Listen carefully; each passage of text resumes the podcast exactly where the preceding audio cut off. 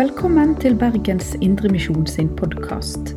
For mer informasjon om oss, besøk oss på betlehem.no, eller finn oss på Facebook og Instagram der som Bergens Indremisjon.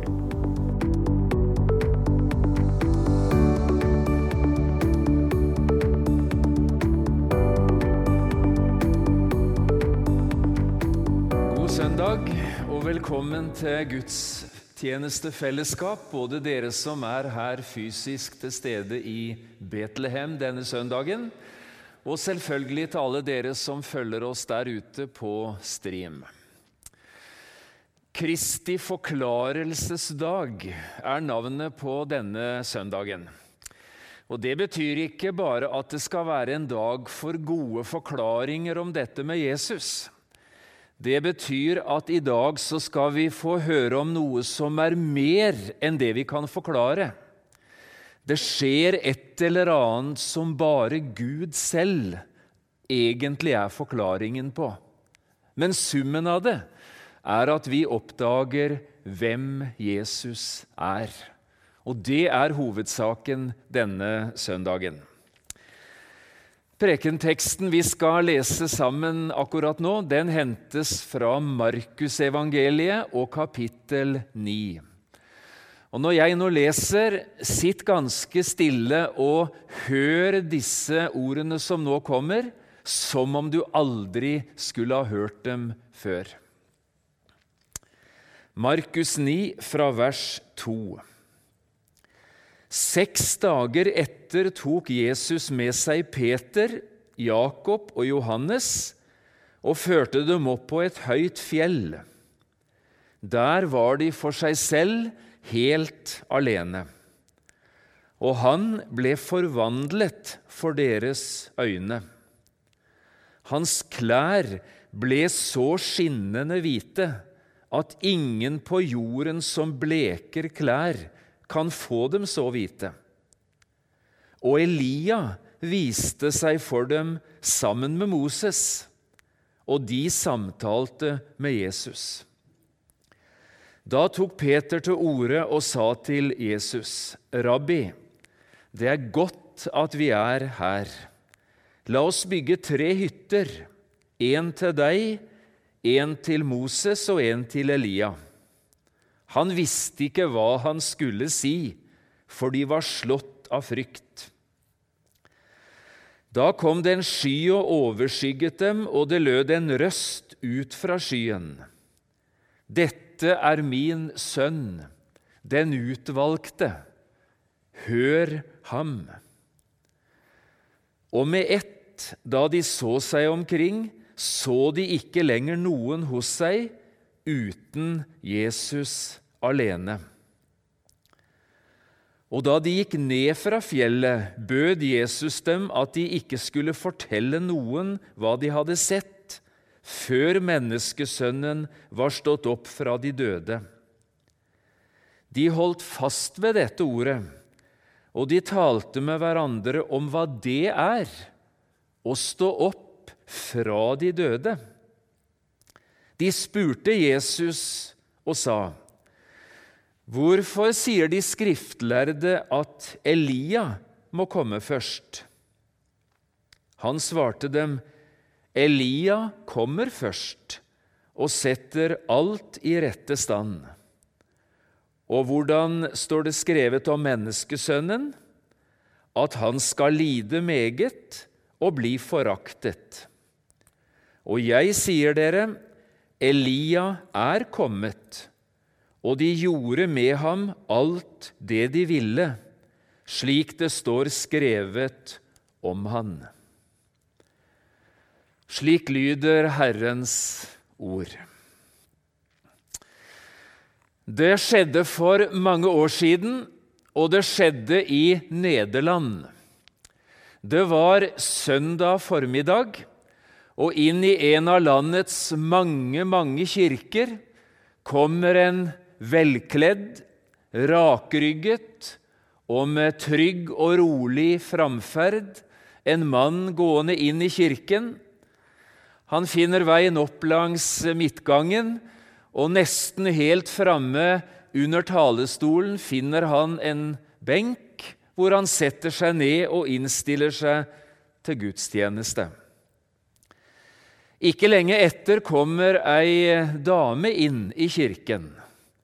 Går omtrent nøyaktig samme veien oppover midtgangen og stanser akkurat ved benken der den velkledde, rakrygde mannen har tatt plass. Hun ser litt skarpt på han, og så sier hun «Eh, dette er faktisk min plass. Mannen reiser seg nokså umiddelbart, ber om unnskyldning, går ut i midtgangen og finner veien tilbake nokså langt bak i kirken, til en av de benkene hvor de fattige pleide å sitte i disse årene. Gudstjenesten går sin gang, og når den er avsluttet, reiser mannen seg, forlater kirken like rolig som han kom. Og etter gudstjenesten sier ei venninne til kvinnen som hadde tatt plass langt framme, Vet du hvem han var, denne mannen som du sa hadde tatt din plass, og som du ba om å flytte seg?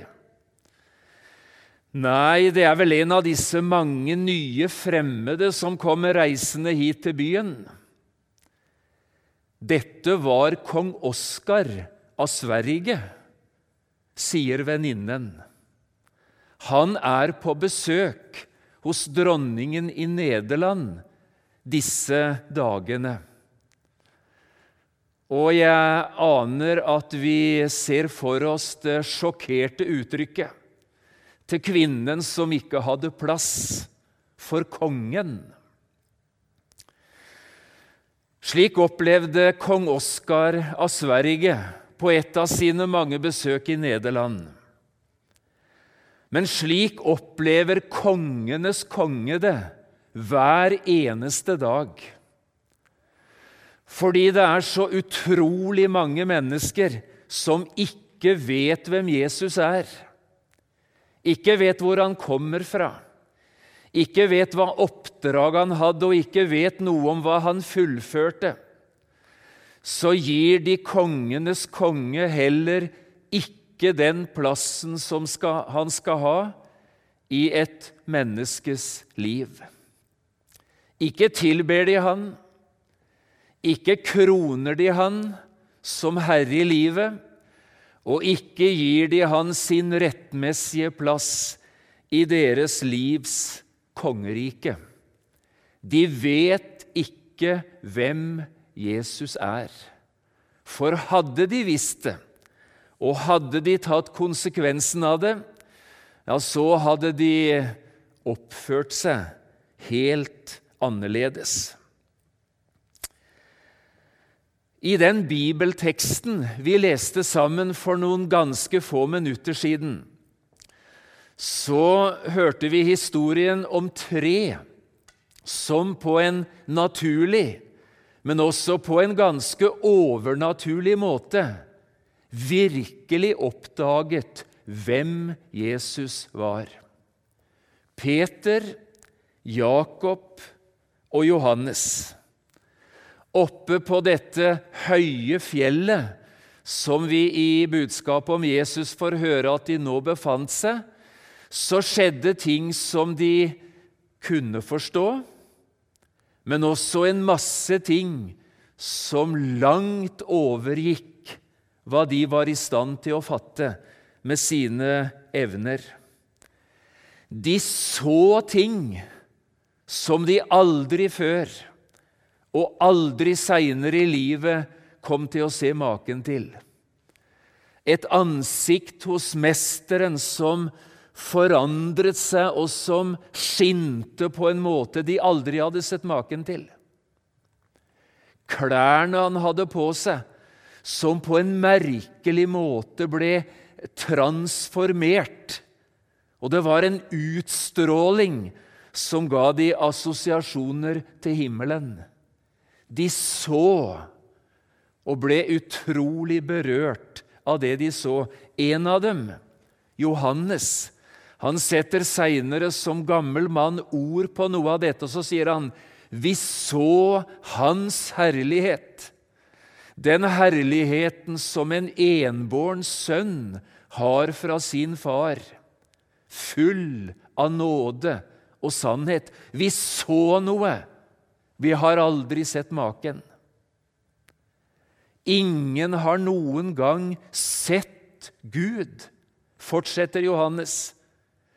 Men den enbårne sønn, som er Gud, har vist oss hvem Gud er. Det mennesket som på den måten får øye på Jesus, hvem han er, og hva han har gjort, det mennesket blir aldri det samme. Det mennesket gir kongenes konge den plass, også i deres liv, som han burde ha.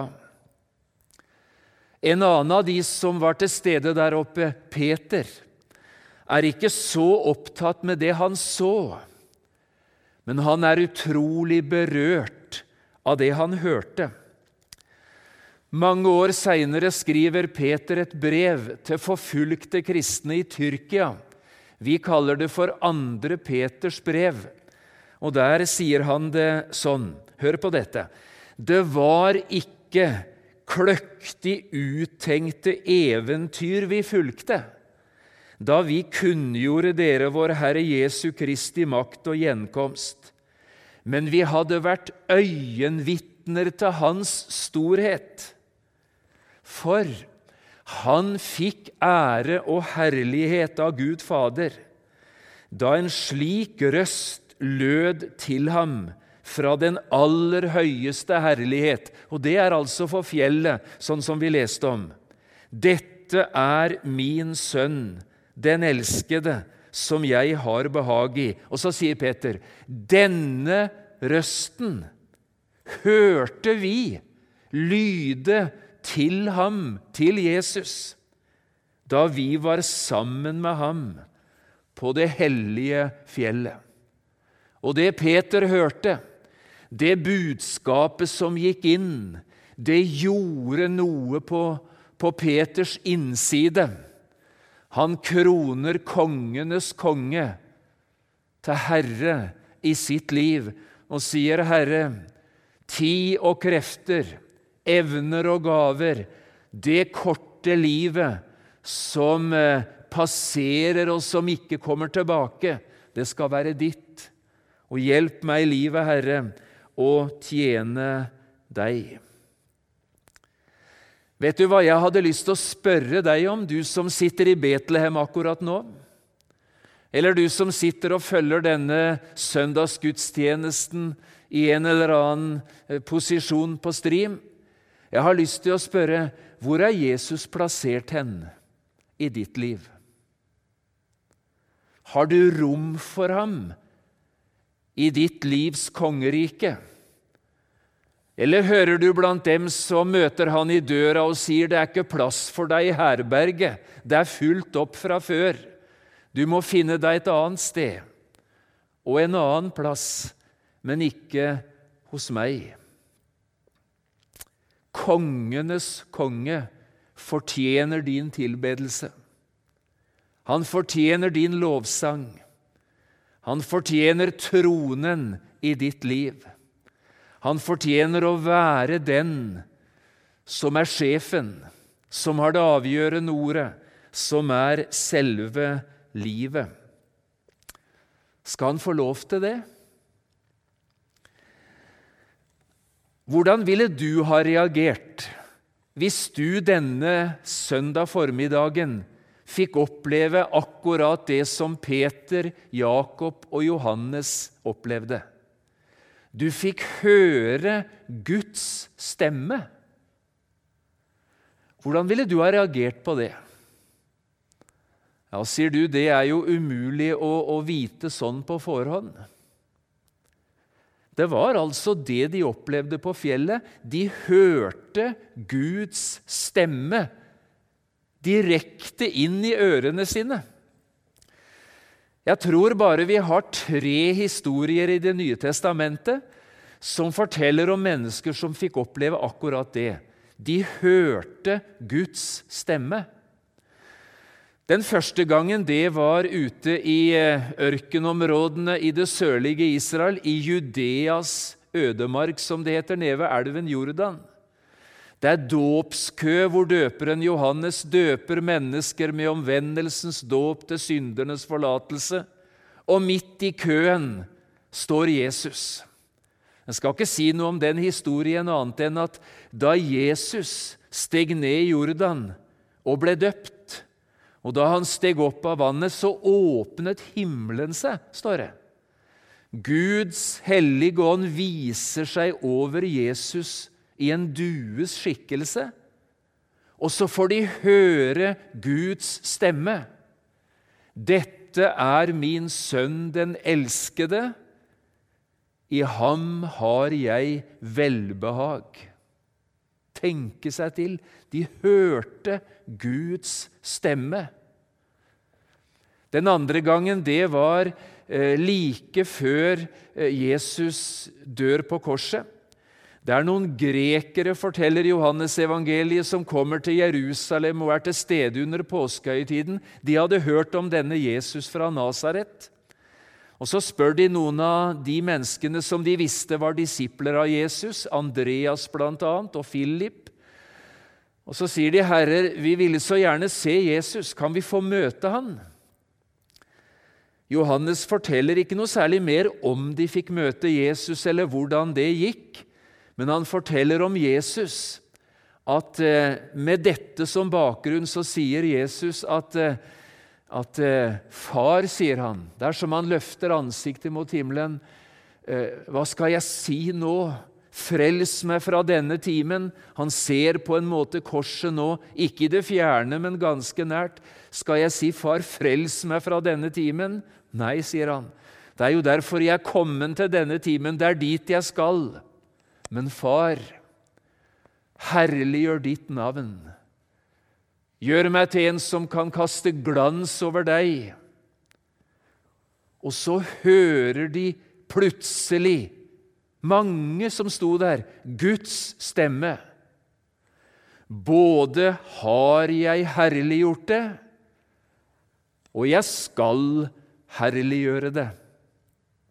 Folk hørte det, og så diskuterte de. Var det torden, sier noen. Det må ha vært en engel som snakket til Jesus, sier noen andre. Vi vet hva det var. De hørte Guds stemme. Og den tredje gangen det skjer, er altså akkurat her oppe på fjellet. De hørte Guds stemme.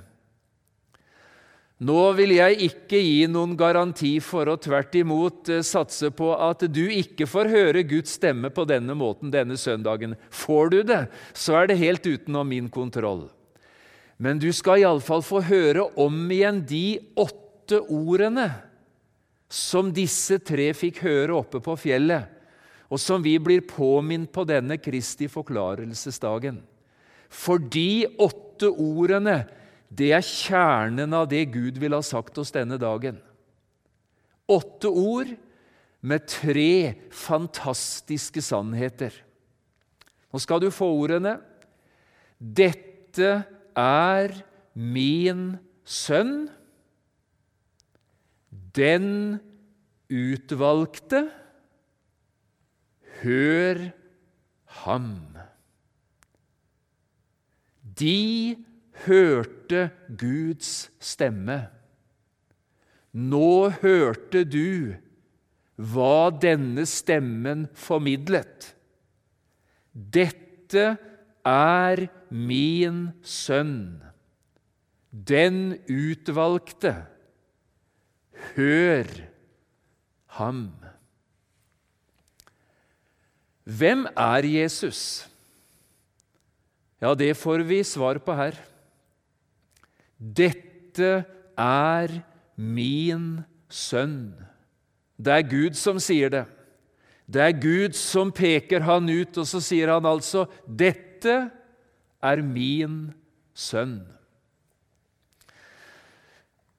De tre disiplene fikk se tre himmelske skikkelser denne dagen.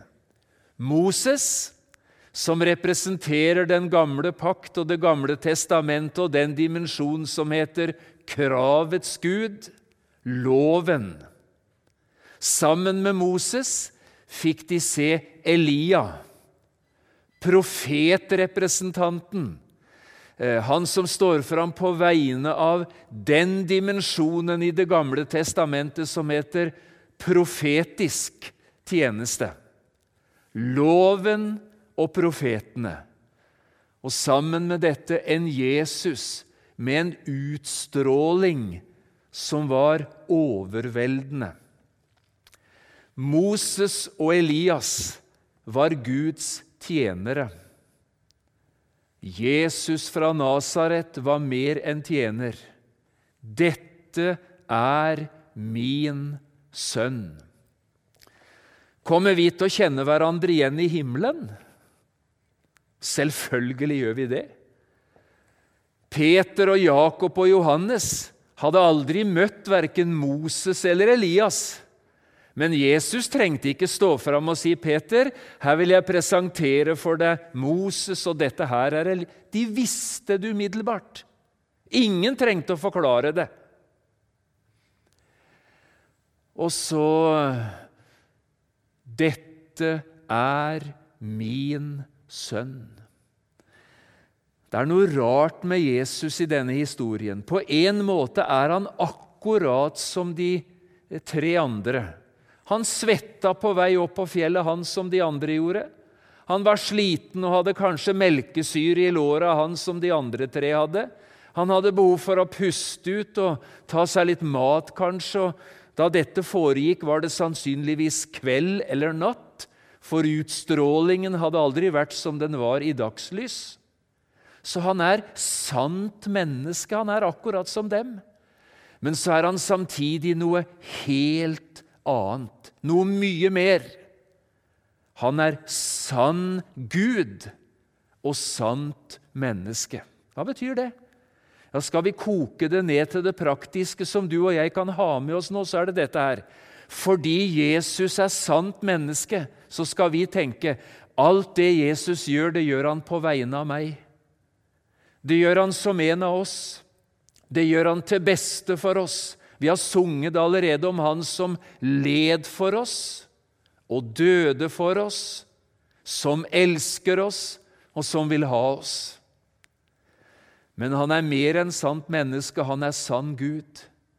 Alt Jesus gjør, det gjør han altså på vegne av Gud. Det er Guds frelse. Det er hans velkommen hjem. Han er sendt inn i denne verden som brobyggeren over det svære svelget, det som ble skapt da synden og fallet og døden og djevelen og frykten splittet Guds verden og vår. Dette er min sønn. Den utvalgte er det andre uttrykket. Den utvalgte. Hvem valgte Jesus? Hvem utvalgte Jesus? Det gjorde Gud. Det står i Efeserbrevet at Gud, han utvalgte oss i ham før verdens grunnvoll ble lagt. Gud valgte å satse på Jesus, sin eneste sønn i himmelen, som den som skulle bygge broen og gjennomføre redningsaksjonen. Det var ingen engel som kunne brukes. Det var ikke noe menneske i verden som, var, som det var stoff i som han kunne bruke. Så velger Gud sin eneste sønn, og så sier han, 'Du, min sønn, du må gjøre jobben.' Dette er min sønn, den utvalgte. Et lite spørsmål til. Jeg har sagt at Moses og Elias viste seg eh, for Jesus og for disiplene, og det står at de samtalte med hverandre. Hva snakket de om? Har du reflektert på det? Når disse to fra himmelen møter Jesus fra jorden, og de har én sjanse å snakke sammen, hva snakker de om? Ja, spør du, veit du det? Var du til stede? Nei, jeg var ikke til stede, men jeg veit det, fordi jeg leser Bibelen. Og i Lukasevangeliet, hvor denne historien fortelles akkurat på samme måten som her i Markus, så, så står det hva de snakket om. Vet du hva det står? De talte om hans bortgang som han skulle fullbyrde i Jerusalem. Veit du hva himmelen var interessert i? Veit du hva Moses var interessert i å snakke med Jesus om? Og Elias? De var interessert i å snakke om korsveien, frelsesverket, blodet, det fullførte. Tenk om vi hadde vært like interessert i å snakke om det som Moses og Elias og Jesus var. Men det er dette Jesus er utvalgt til. Du gikk for meg en blodig sti, og jeg som skyldig var, slapp fri. Dette er min sønn. Det er det første. Den utvalgte. Det er det andre. Hør ham. Og du er helt perfekt plassert der du sitter akkurat nå. For du sitter innenfor rekkevidde av Hans ord. Det er mulig for deg, uten å løfte en finger der du sitter. Nå er du i stand til å høre. Da er du i posisjon til å komme dit hen som Gud først og fremst vil, i et rett forhold til Jesus. Du kan nemlig ikke gjøre deg frelst. Da Moses kom til denne verden, og da Moses gjorde jobben med loven og alt det der, så var det for å lære oss at vi kan ikke holde den. Vi klarer ikke frelse oss selv. Du kan ikke gjøre deg frelst, men du kan høre deg frelst. Ved å høre budskapet om Jesus, hvem han er, hva han har gjort. Det er mulig for et menneske å finne fred med Gud i en god samvittighet, simpelthen ved å høre. Det er Kristi forklarelsesdag i et nøtteskall. Og jeg skal ikke be deg huske på hundre ting etter denne søndagen. Bare åtte små ord. Dette er min sønn den utvalgte, hør ham. Det er ikke søndagsskole i dag, men nå skal vi avslutte her som vi gjør det på søndagsskolen. Nå skal jeg si åtte ord en gang til aleine. Og så kommer jeg til å si det enda en gang, og da skal vi være med i kor alle sammen. Enten dere sitter her i Betlehem, eller du sitter foran en PC, eller hvor du er henne. Åtte ord. Ordene er disse. Dette er min sønn, den utvalgte, hør ham. Er vi med? Dette er min sønn, den utvalgte, hør ham. I 1924 sitter Edin Holme, vokst opp på en husmannsplass i Verdalen i Trøndelag, og skriver. Han skriver et diktverk som han kalte 'Omkring Nazareren'. Og her setter han ord på det som vil bli din og min erfaring, om vi virkelig får forklart Jesus for øynene våre. Den som ham har sett, kan intet friste. Ringe synes siden alt han ser. Den som eier ham, kan allting miste. Han begjærer siden intet mer. Og alt Guds folk sa. Amen. Du har lytta til Bergens Indremisjon sin podkast. For mer informasjon om oss, besøk oss på betlehem.no eller finn oss på Facebook og Instagram der som Bergens Indremisjon.